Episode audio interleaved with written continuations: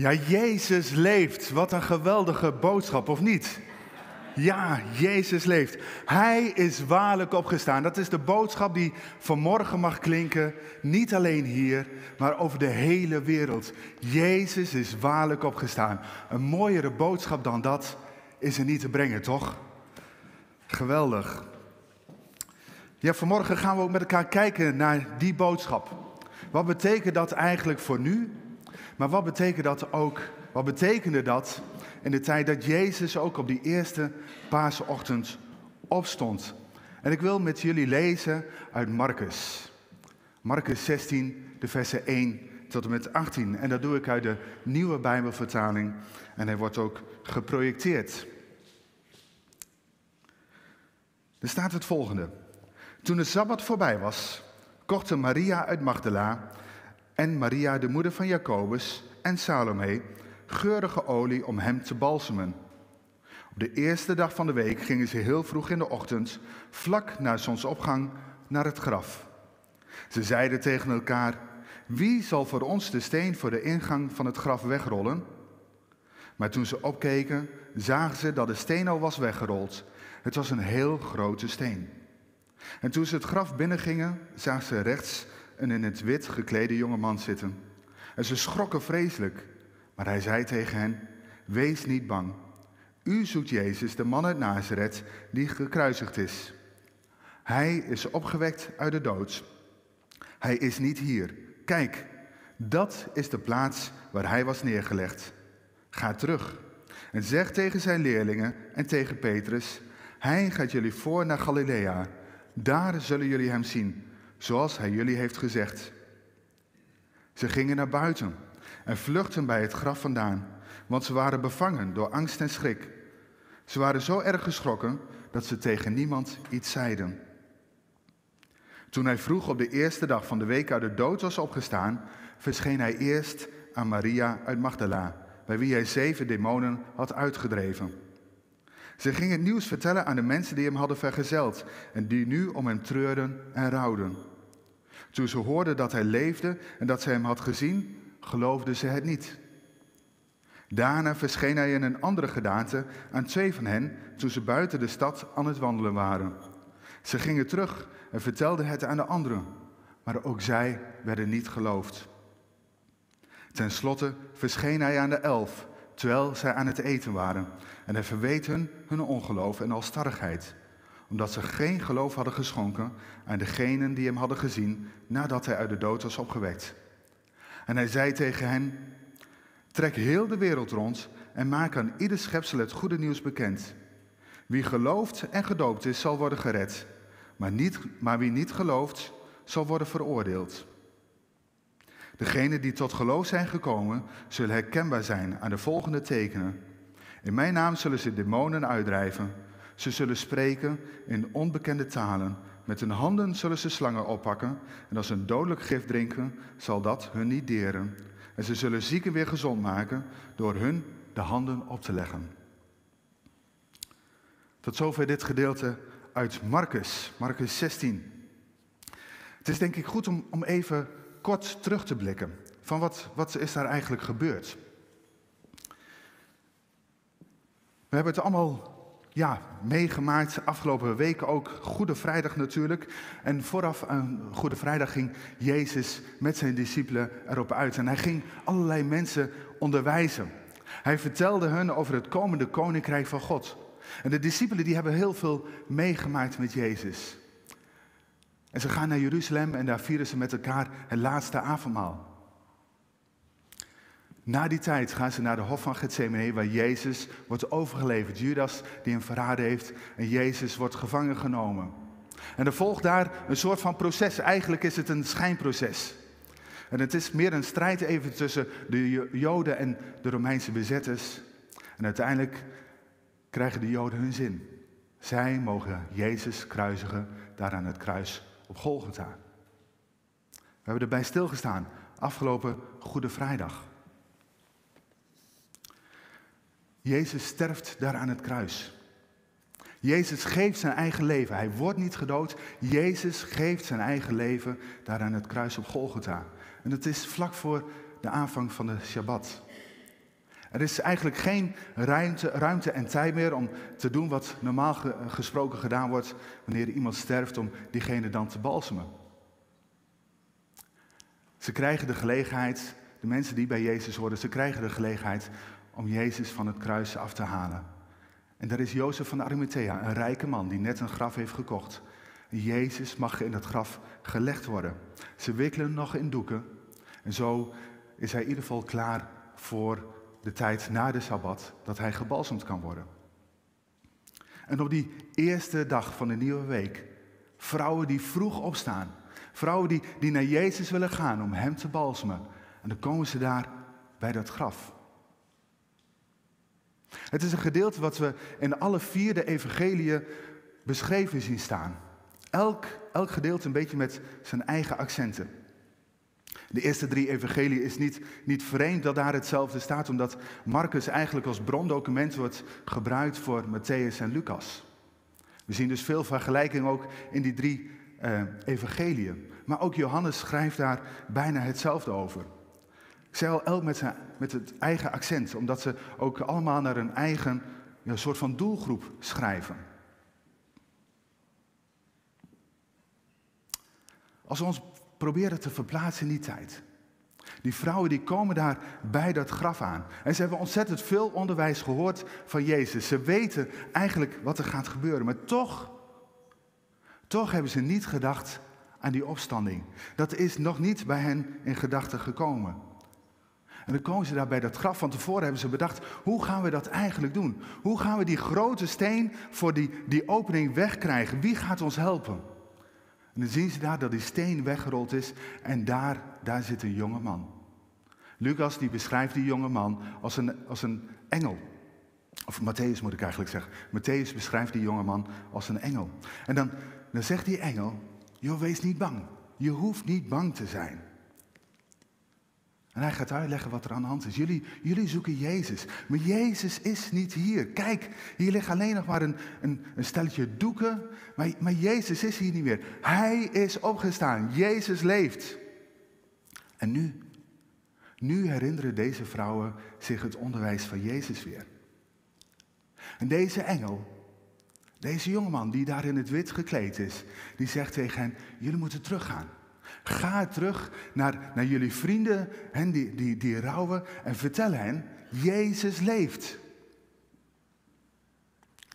Marcus die beschrijft het nog wat specifieker. Hij zegt, ga terug, ga terug naar de discipelen en naar Petrus, staat er.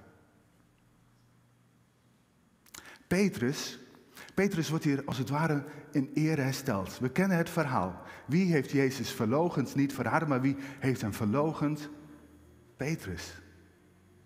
Vorige week hadden we een pubquiz met de mannen en er was een van de vragen, hoe vaak heeft de haan gekraaid? Hoe vaak heeft de haan gekraaid? Nou, daar, uh, wordt verschillend over geschreven. De antwoorden waren ook verschillend. Maar er staat in ieder geval dat de haan twee keer gekraaid heeft. In sommige evangeliën is dat niet zo uh, specifiek benoemd. Is ook niet heel belangrijk. Maar goed, voor de mannen die erbij waren, die gaan dit niet meer vergeten. Hij heeft in ieder geval twee keer gekraaid. Maar Petrus heeft Jezus drie keer verlogend. En, en, en ik kan me indenken dat dat wat doet met Petrus. Dat het nogal impact heeft gehad op zijn leven. Hij heeft Jezus daar zien sterven aan het kruis. Maar hier wordt, wordt Petrus als het ware in ere hersteld bij monden van deze engel. Hij wordt gezien. Hij wordt erkend. En, en eigenlijk ligt hier de basis weer voor dat Petrus die rots is waar de gemeente op gebouwd wordt. Daar is geen afwijzing. Er is geen afwijzing bij Jezus. De vrouwen gaan op weg. De vrouwen gaan op weg, verlamd van angst. En ze gaan niet terug naar de discipelen. Nee, eigenlijk komen ze helemaal niet zo ver. En dan is het bijzonder dat Jezus op die eerste dag, kort daarna, kort, ik weet het niet precies, maar in ieder geval op die eerste dag, dat Jezus verschijnt aan Maria uit Magdala. De eerste vrouw aan wie Jezus zich laat zien. Maria uit Magdala, die had al een, een bijzondere relatie met Jezus. Want Jezus, dat lezen we in Lucas 8, Jezus heeft haar bevrijd van zeven demonen. Nou, op zich, dat is al heel bijzonder. Daar kun je een hele preek over houden. Dat ga ik nu niet doen. Maar Jezus, die, die verschijnt aan haar. En hij zegt tegen haar, ga terug, ga naar de discipelen, vertel hem wat je gezien hebt. En Maria, Maria uit Magdala, die gaat naar de discipelen. En dan, dan, dan verwacht je natuurlijk dat die discipelen zeggen, oh wat fantastisch, jij hebt Jezus gezien, wij willen hem ook zien. Maar nee, niets is minder waar. De discipelen, die geloven haar niet. Even later lezen, Jezus die laat zich zien aan twee mannen, net buiten de stad Jeruzalem. Lucas beschrijft deze mannen als de Emmausgangers. En we kennen het verhaal dat Jezus met deze mannen oploopt. Hij wordt uitgenodigd bij hen thuis. En ze hebben maaltijd met elkaar. Altijd een bijzondere tijd wanneer je maaltijd hebt met Jezus. Dat is fantastisch. En ze herkennen Jezus. En ineens is Jezus weg. En die mannen die gaan weer, als de wiede weer gaan zou ik zeggen, ze gaan naar Jeruzalem. Ze gaan vertellen dat ze Jezus hebben gezien. Dan verwacht je dat de discipelen dan wel zoiets hebben van, oh, maar dit is al de tweede getuigenis dat, we Jezus, dat Jezus gezien is. Dan moet het wel zo zijn. En weer worden ook deze mannen niet geloofd. En dan, dan verschijnt Jezus zelf aan deze elf discipelen. En het eerste wat hij eigenlijk tegen hen zegt is dat, dat hij verwijt hen dat ze de andere getuigenissen niet geloofd hebben. En Lucas en Johannes beschrijven dat, dat Jezus een bewijs levert dat Hij het is. Hij laat hen de handen zien. De handen die doorboord zijn met die spijkers daar aan het kruis op Golgotha. Hij zegt, geef mij te eten om te bewijzen dat hij niet een geest is, maar een, een mens van vlees en bloed. En ondanks al het onderwijs is het toch nog steeds moeilijk voor de discipelen om te geloven dat Jezus is opgestaan. En hoe is dat met ons? Hoe is dat met ons? Herkennen wij dat ook bij ons? Geloven wij daadwerkelijk dat Jezus is opgestaan? Of, of kijken wij er misschien meer naar dan een soort van allegorisch verhaal? Dan, dan ligt daar een betekenis in. Dan is het niet letterlijk gebeurd, maar dan is het meer een figuurlijk verhaal. Leven wij ook echt vanuit het feit dat Jezus is opgestaan of niet? Kennen we Jezus als opgestane Heer in ons leven? De discipelen zagen met eigen ogen. Zij zagen de opgestane Heer.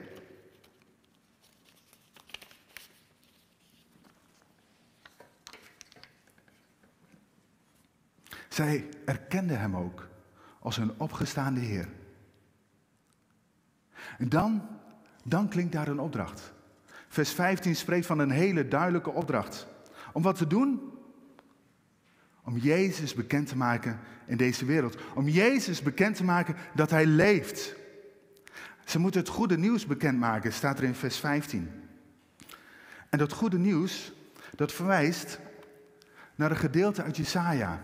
Jesaja 45, vers 22. Er staat, keer terug naar mij. Keer terug naar mij en laat je redden. Ook jullie aan de einden der aarde. Dus daarmee zegt Jezaja al, die boodschap is voor de hele wereld. Want ik ben God. Er is geen ander. Wat doet Jezus hier? Jezus haalt deze tekst aan. Jezus haalt deze tekst uit Jesaja 45 aan. En, en Jezus kende natuurlijk deze tekst, maar ook de discipelen. Ze kenden de schrift. Ze wisten wat ermee bedoeld werd. En Jezus die claimt hier dat hij God is. Jezus claimt hier dat hij God is. Hij zegt, laat je redden door mij, want ik ben God. Op die boodschap moeten zij mensen onderwijzen. Op die boodschap moeten zij mensen dopen. Mensen die zich laten dopen, die zullen opstaan als een nieuwe schepping.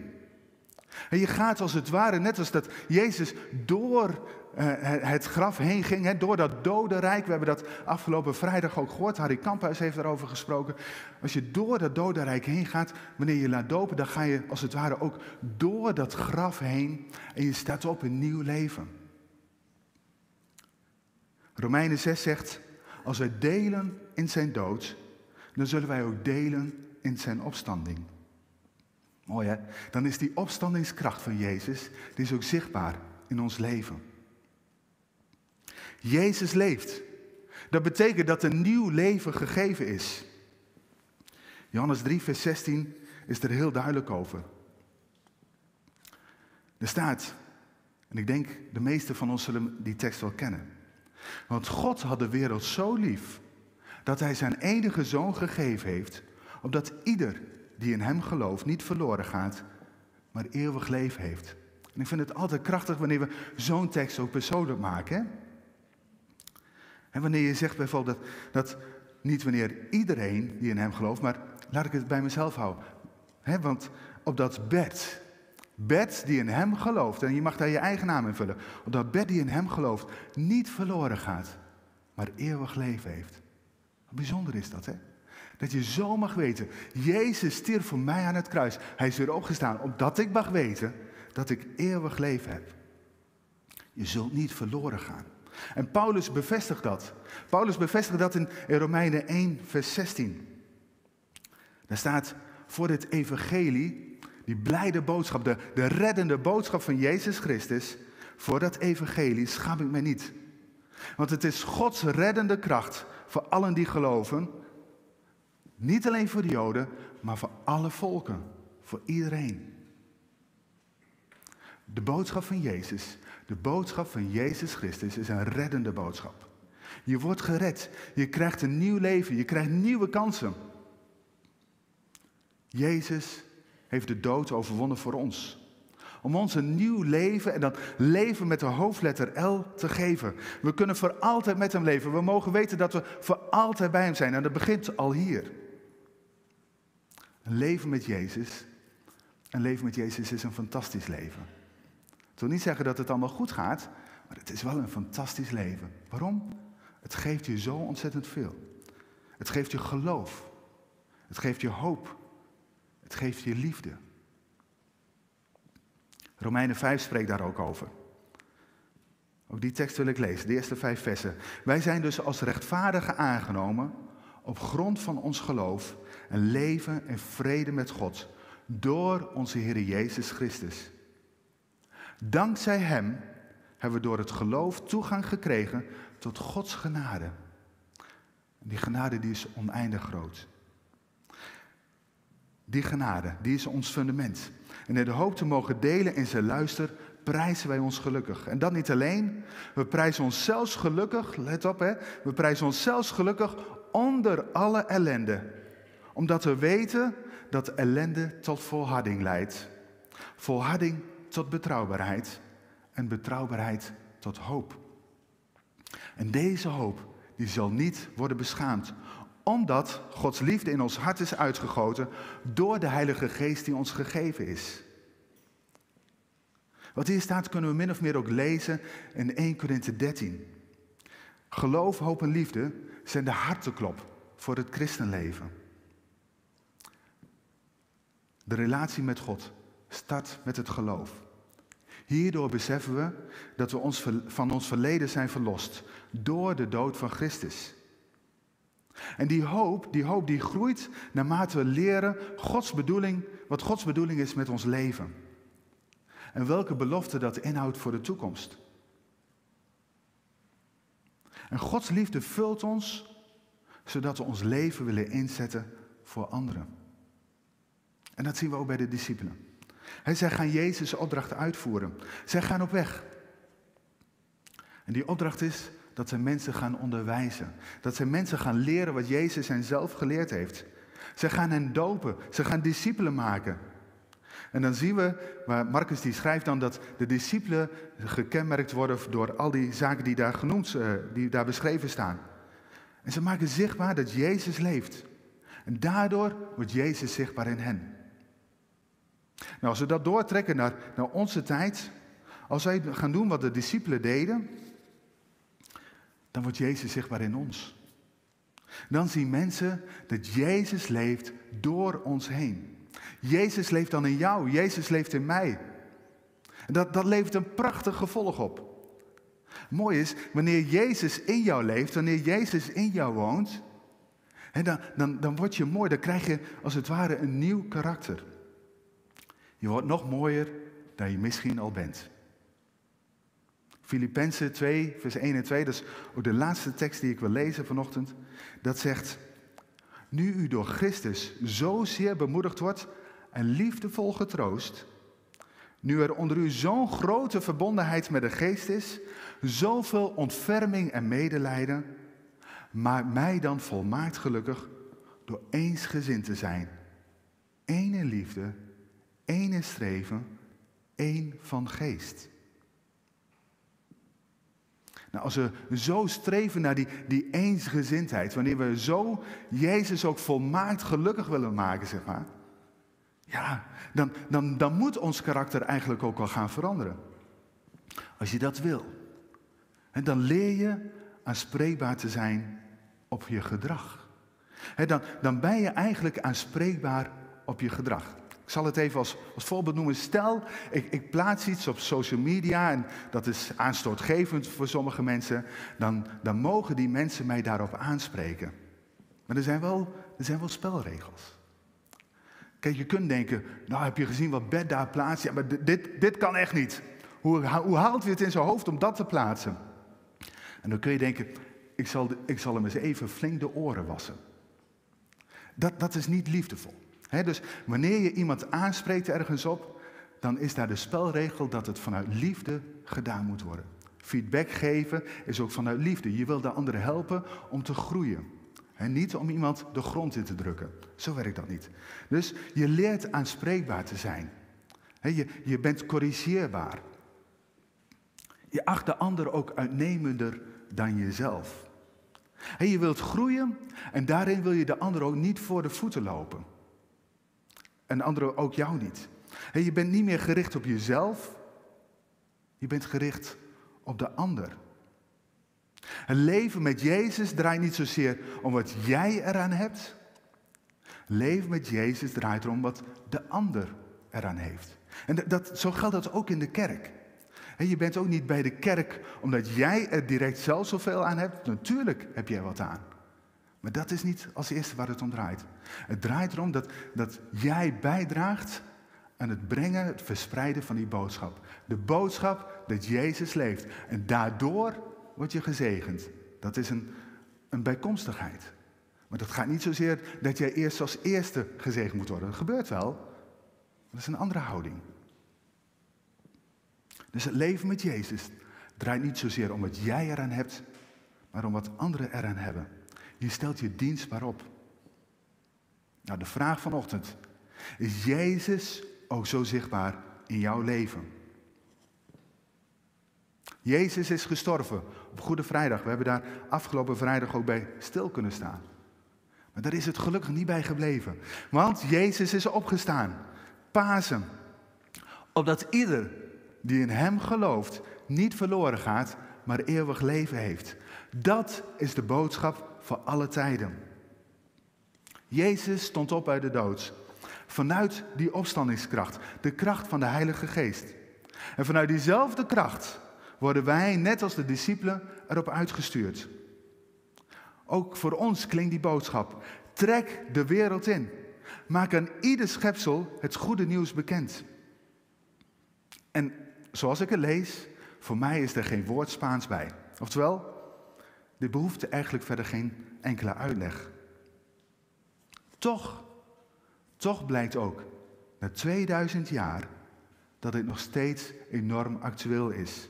Dat het nog steeds ontzettend nodig is. Maar liefst 40% van de wereldbevolking, dat is ongeveer 3 miljard mensen, vallen onder de onbereikte volken. Er is dus nog genoeg te doen. Neem jij hier in de zaal jij thuis, neem jij de opdracht van Jezus serieus? Ga dan op weg. Verkondig zijn boodschap. Welke? Jezus leeft. Amen. Ik wil graag met jullie bidden en danken. Vader God, dank u wel dat wij zo vanochtend stil mogen staan bij dat geweldige wonder, Heer Jezus, dat u bent opgestaan uit de dood. Dat de dood niet heeft gewonnen, maar u hebt de dood overwonnen. U bent weer opgestaan in nieuw leven. Heer, en samen met u mogen wij ook opstaan in nieuw leven. Heer, u hebt de discipelen de opdracht gegeven om die boodschap, die reddende boodschap van het evangelie te brengen. Aan de uiteinde, tot aan de uiteinde van de aarde. Het is voor iedereen. En we danken u dat ook die boodschap bij ons is gekomen.